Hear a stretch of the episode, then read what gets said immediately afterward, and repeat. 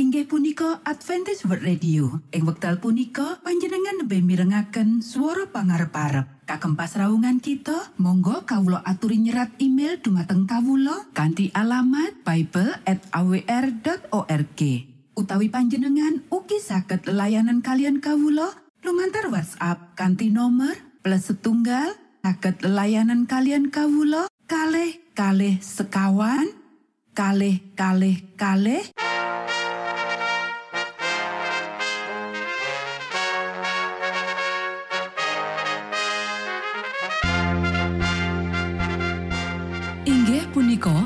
Adventist World Radio ingkang giaran kanthi basa Jawi. Tentrem Rahayu kula aturaken kagem para mitra kinasih ing pundi papan lan panggonan. Sugeng pepanggihan malih kalian Adventist World Radio. Kanti bingahing manah Kulo badhe sesarengan kalian para mitra kinasih lumantar saperangan adicara ingkang sampun rinonci mligi kagem panjenengan sami. Mugi giaran punika saged migunani tuwin dados berkah kagem kita sedaya. Sugeng midhangetaken Gusti amberkahi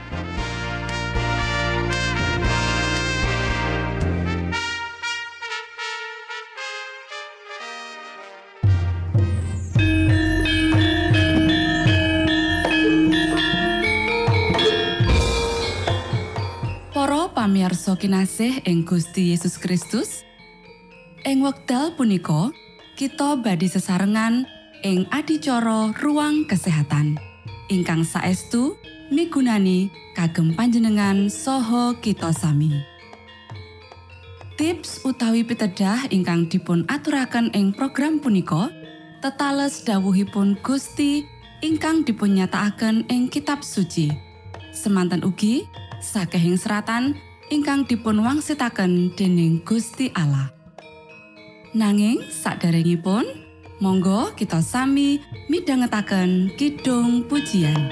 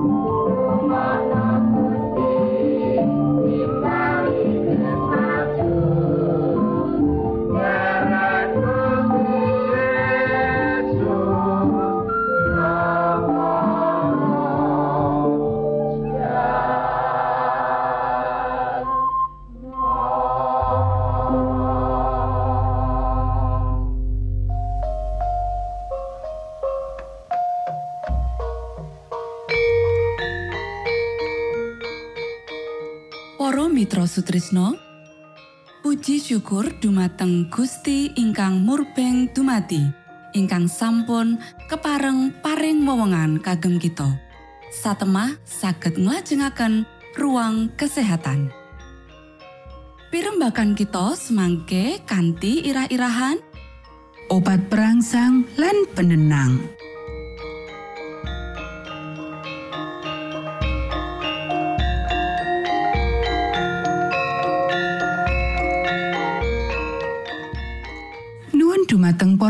Para pamiarsa ingkang dahat kinormatan sugeng pepanggian malih kalian kulo Isti Kurnaidi ing adicara ruang kesehatan.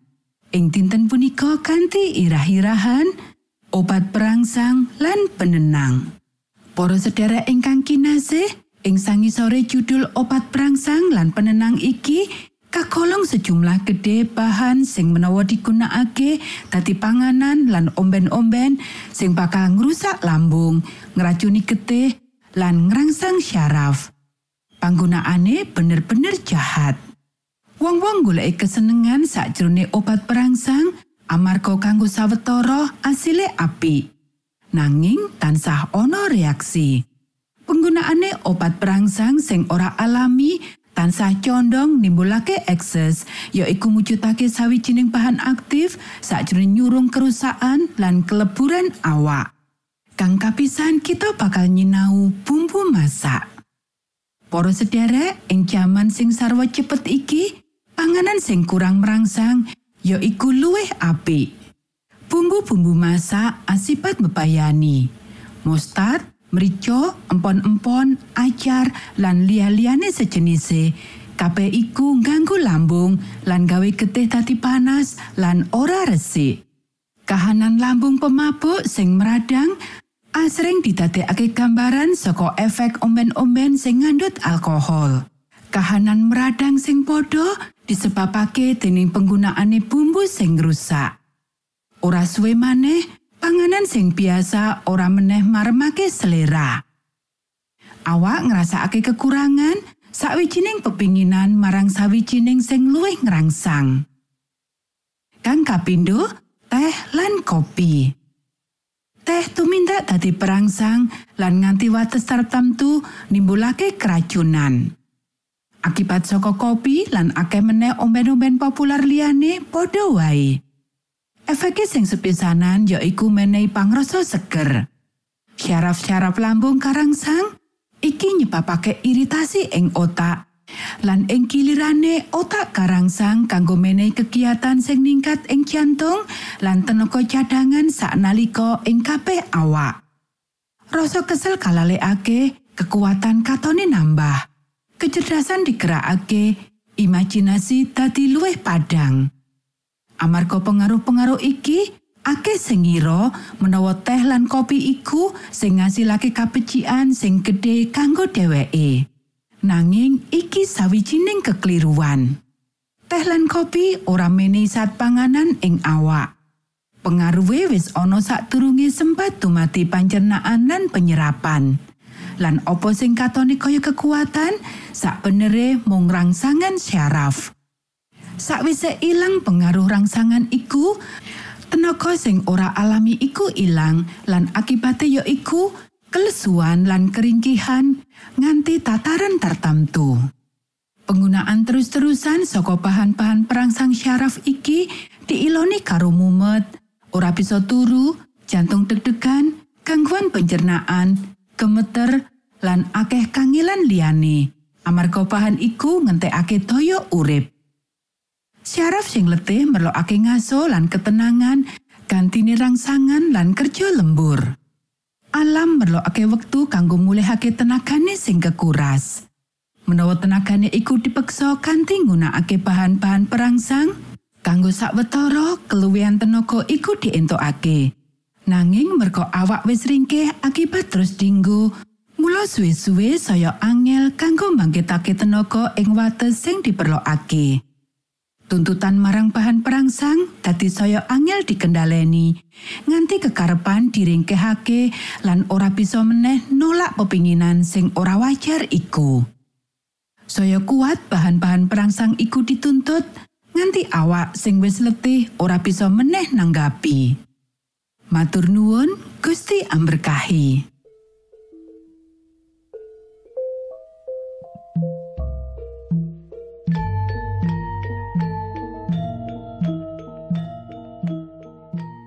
Cekap semanten pimbakan ruang kesehatan ing episode dinten punika.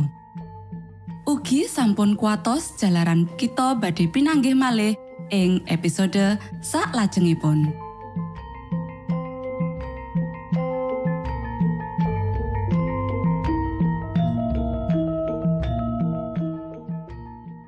Inggih punika adicara ruang kesehatan. Menawi panjenengan gadah pitakenan utawi ngersakaken katrangan ingkang langkung, monggo kulo aturi. Kinton email dateng alamat ejcawr at gmail.com utawi lumantar WhatsApp kanti nomor 025 pitu 00 songo songo papat 00 pitu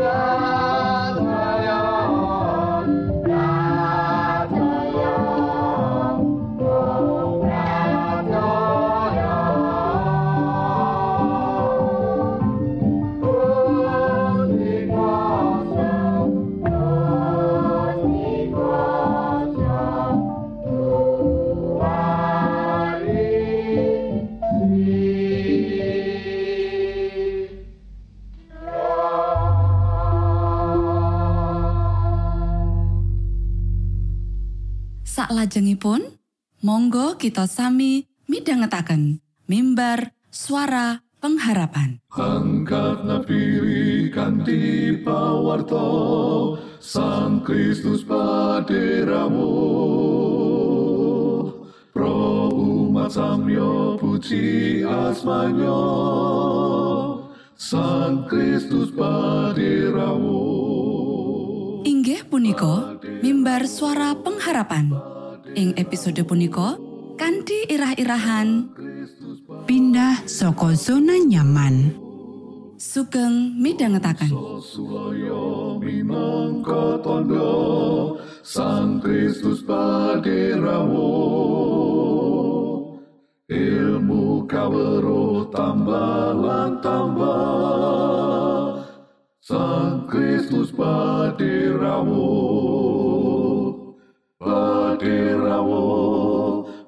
Paderamu Sang Kristus paderamu Shalom, para pamiarsa ingkang kinasih wonten ing Gusti. Sak menika kita badhe mitangetaken renungan Sabda pangantikanipun Gusti. Ing dinten punika kanthi irah-irahan pindah saka zona nyaman. Para sedherek ingkang kinasih, dawuh pangantikanipun Gusti ing kitab lelakone para rasul pasal siji ayat wolu ya iku Nanging kowe kabeh bakal padha tampa kasekten semongso Sang Roh Suci wis nedhaki marang kowe kabeh sarta kowe kabeh bakal dadi seksiku ana ing Yerusalem lan ing satanah Yudea kabeh sarta tanah Samaria tuwin temeka ing pungkasaning bumi. Para sedherek ingkang kinasih, supaya bisa ngrengkuh wong liya, Gusti Allah kagungan kersa supaya kita pindah saka zona nyaman kita. Klangenan kanggo tetep bareng-bareng karo wong-wong sing sepaham karo kita, kang duweni sepikir lan tunggal ati marang kita, tunggal ras, tunggal suku, lan tunggal sesrawungan sosial kang padha karo kita, iku bisa nuwuhake gedhe rasa kang ngakibatake tumindak jahat. Bebaya saka tumindak kaya mangkono minangka pelajaran saka prastawa Menara Babel. Kita bisa maca ing kitab Purwaning Tumati pasal 11 ayat siji nganti songo. Cerita saka wong-wong ing Menara Babel njlentrehake babagan gedene ambisine wong-wong iku. Wong-wong iku duweni rancangan arep nggawe bangunan sing bisa dieling-eling. Arep yasa kutha lan menara sing durung nate ana ing donya iki. Pangucape maneh, ayo padha yasa kutha nganggo menara kang puncake sundul langit supaya jeneng kita dadi misuwur lan kita aja nganti pating selebar ana ing salumai bumi. Purwaning tumati pasal 11 ayat papat. Para sedherek ingkang kinasih, ora sithik wong-wong ing jaman iki duweni upaya kang padha kaya mangkono. Ora peduli profesine kuwi jalur saka politik, seni, bisnis, malah saka jalur agama. Ana ing antarane wong-wong kuwi duweni pepinginan supaya jenenge dadi misuwur kanggo awake dhewe. Pungkasane, jebul kabeh iku tanpa guna lan ateges mburu angin. Kohelet pasal siji ayat 11. Para sederek, pangandikane kitab suci ing Purwaning Tumati pasal 11 ayat papat, menawa wong iki pepinginane bangun menara kuwi supaya ora sumebiar ning salumahing bumi. Alesane mung pengin ngumpul bebarengan gawe gedhekake pangrasane dhewe. Nanging Gusti Allah kagungan rancangan liyane. Sejatine wong-wong iki katunggalake uga kanggo pakaryan iki. Nanging pangantikane Sang Yehuwa. Lah wong-wong iku padha tunggal bangsa lan tunggal basa. Iki lagi wiwitane kekarepane. Mengko rak bakal wis ora kena diendakake apa kang dadi setiani. Purwaning tumati pasal 11 ayat 6. Rancangan kang ambisius saka wong-wong iki sak temene jahat anane. Para sedherek ingkang kinasih, senadyan kitab suci wis ngendikan kaya mangkono kanthi tinulis, pena inspirasi ngendikake menawa wong-wong iku ora percaya marang prasetyane Gusti Allah, menawa panjenengane ora bakal maneh numpes bumi kanthi banjir gedhe. Kita bisa maca ing Purwaning Tumati pasal songo ayat 14 lan 15. Wong-wong iki duweni karep bangun apa sing dheweke anggap aman ketimbang percaya marang dawuh pangandikanipun Gusti. Apa wae kang dadi motif utamane Gusti Allah pirsa menawa tujuan-tujuane wong-wong iki ora murni nanging diisi kanthi ambisi diri iku sebabe Gusti Allah nyegah wong-wong iku nggayuh tujuan kang wis padha ditetepake. Monggo kita sami ndedonga. Duh Rama kawula ingkang wonten ing swarga, asma patuko mugi kasucikaken. Kraton patuko mugi rawuh, karsa patuko mugi kalampahan wonten ing bumi, kados dene wonten ing swarga. Kawula mugi kaparingan rejeki kawula sak cekapipun ing dinten punika. Saha patuko mugi ngapunten kalepatan kawula, kados dene kawula inggih ngapunteni tetiang ingkang kalepatan dhateng kawula. Punapa dene kawula mugi sampun ngantos katantukaken dhateng ing panggoda nanging mugi sami paduka uwalaken saking piawon. Awit dene paduka ingkang kagungan kraton saha wisesa tuwin kamulyan salami laminipun. Amin.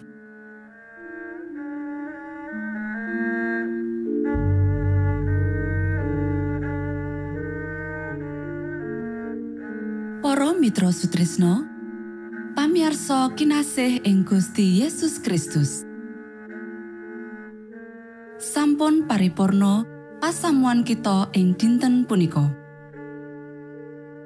menawi panjenengan gadah pitakenan utawi ngersaakan seri pelajaran Alkitab suara nubuatan Monggo Kulo aturi kinton email dateng alamat ejcawr gmail.com utawi lumantar WhatsApp kanti nomor 025 pitu 00 songo songo papat 00 pitu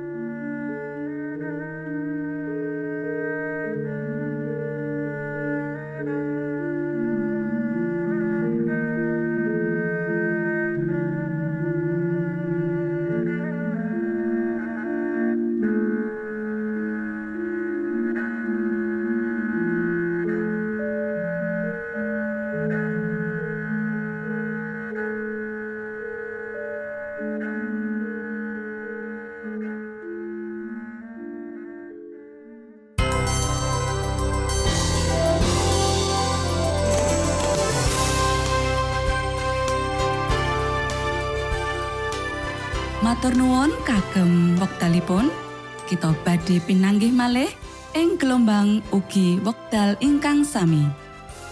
Saking studio kula ngaturaken tentrem rahayu.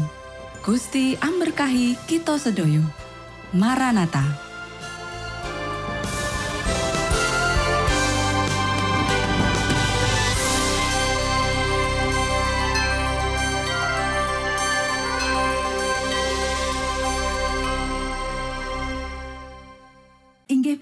Adventist World Radio. Ing wekdal punika panjenengan lebih mirengaken swara pangarep-arep. Kagem pasraungan kita, monggo kawula aturi nyerat email dumateng kawula kanthi alamat bible@awr.org. Utawi panjenengan ugi saged layanan kalian kawula lumantar WhatsApp kanthi nomor plus setunggal saged layanan kalian kawula kalih kalih sekawan kalih kalih kalih